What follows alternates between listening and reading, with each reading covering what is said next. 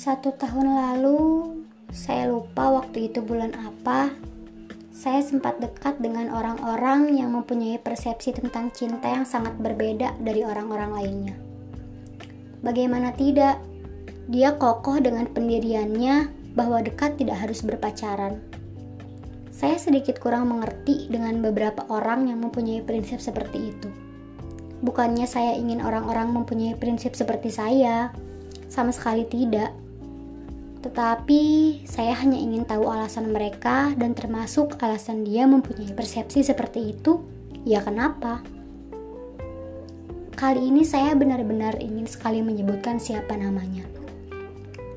Tapi rasanya saya tidak bisa karena ada beberapa hati yang harus saya jaga.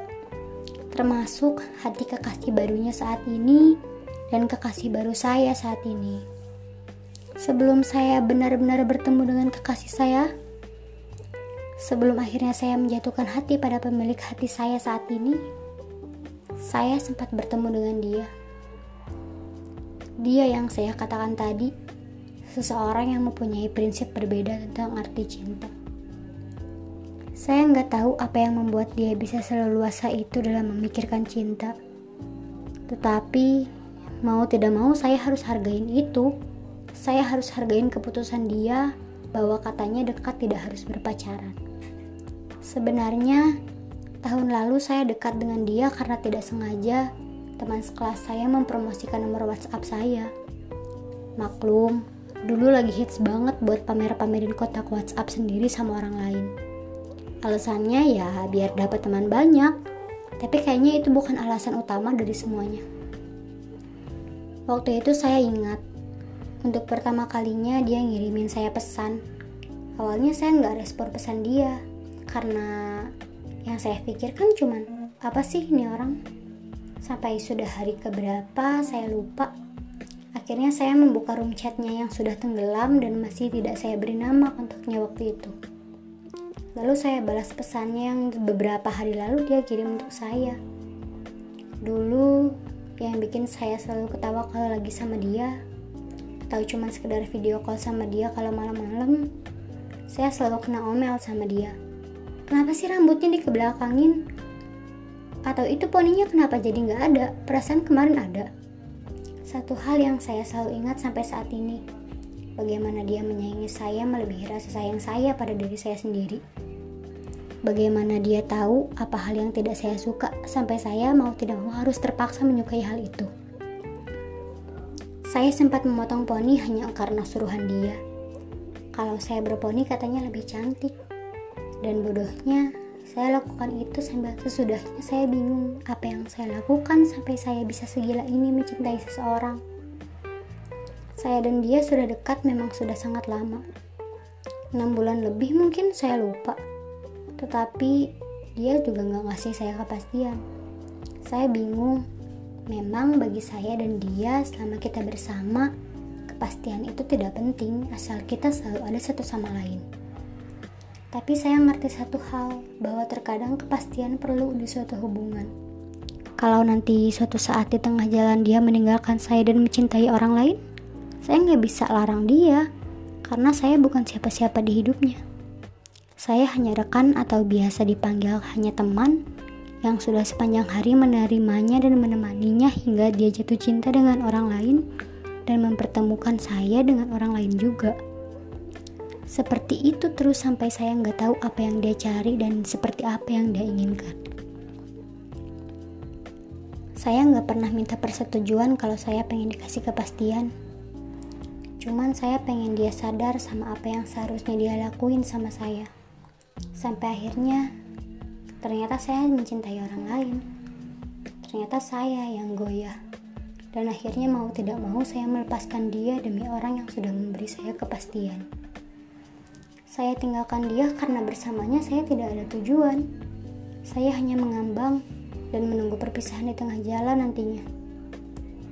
Sampai saya harus memutuskan bahwa saya lebih memilih lain orang ketimbang harus bersama dengan dia yang tidak mau memberi saya kepastian sampai akhirnya saya benar-benar jauh darinya saya benar-benar nggak tahu kabar dia seperti apa dia lagi apa bahkan nomor dia di handphone saya pun sudah saya hilangin karena demi menjaga perasaan kekasih saya waktu itu. Tapi ternyata saya salah pilih lagi. Ternyata yang saya kira bakal buat saya bahagia itu nggak sama sekali. Dan kalian tahu, lucu dan begonya saya, saya balik lagi sama dia. Saya balik lagi dengan rasa nggak bersalahnya saya. Saya balik lagi ke kehidupan dia. Dan kalian tahu apa yang dia lakuin sama saya? dia malah membuka hati lagi saya buat dia atau bahkan dia membuka hati dia untuk saya lagi dia kayak nggak pernah tahu dan nggak pernah mau tahu sama apa yang pernah saya lakuin ke dia sebaik itu memang dia sampai-sampai masih mau terima saya yang jelas-jelas udah pernah ninggalin dia demi orang lain kalau saya di posisi dia mungkin saya mikir dua kali buat nerima orang yang jelas-jelas udah jahatin saya Lambat laun, saya jalanin sama dia. Gak kerasa udah hampir satu tahun saya dan dia bareng-bareng. Berbagi cerita bareng-bareng, ketawa bareng, sampai sakit hati pun bareng-bareng. Dan kita lakuin itu semua bareng-bareng. Sampai akhirnya, saya ingin dia milikin saya sepenuhnya. Bukan sebagai teman atau sahabat. Selama itu saya dan dia, tapi dia gak ngasih saya kepastian sama sekali saya gak ngerti sama dia apa yang dia cari sampai dia gak mau kasih kepastian buat saya. Apa yang kurang di diri saya sampai dia sebegitu hati-hati dalam mencintai pasangan atau dalam mencari pasangan mungkin. Jelas-jelas saya sudah di sini. Saya sudah di depan mata dia tapi gak juga dia kasih kepastian. Lagi-lagi saya menghancurkan semua. Saya kembali jatuh cinta pada sosok yang bukan dia dan dia tidak punya hak untuk melarang saya untuk mencintai yang bukan dia. Karena dia bukan siapa-siapa saya. Saya dan dia hanya dekat, tidak ada ikatan apa pun di dalamnya. Sampai saya menerima orang baru, saya meninggalkan dia untuk kedua kalinya, dan saya harap saya nggak akan lagi pulang ke dia. Saya nggak akan balik lagi sama dia karena saya muak kalau harus terus-terusan diam dengan zona yang gak jelas sama sekali. Saya memilih untuk pergi pergi dari dia dan lagi-lagi saya harus hapus semua kenangan bareng dia selama satu tahun ke belakang. Saya nggak tahu gimana sakitnya dia dipermainkan sama saya. Gimana malesnya dia lihat muka saya saat dia tahu saya malah milih orang lain dan pergi ninggalin dia buat kesekian kalinya. Sebelum saya ninggalin dia, saya sempat bilang sama diri saya sendiri, semoga ini terakhir kalinya saya berurusan sama dia, karena dia yang ngebuat saya kayak gini. Dia yang bikin saya nggak karuan soal hubungan yang nggak jelas ini. Saya hanya minta kepastian dari dia, itu aja. Dan dia nggak pernah bisa kasih itu. Saya heran, apa yang dia cari sampai saya masih kurang di mata dia.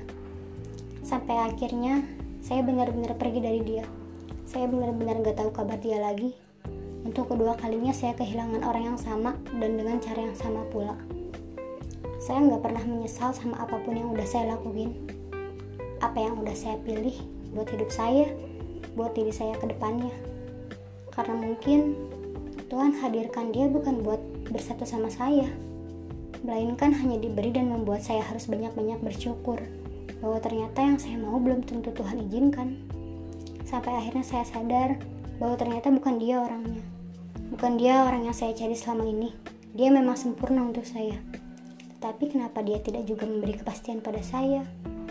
karena memang dia pun berpikir bahwa saya bukan orang yang tepat untuk dia dan saya mengerti itu saya memahami itu setidaknya saya pernah ada dan dia pernah hadir walau saya dan dia nggak sempat bersatu buat sama-sama bikin bahagia terima kasih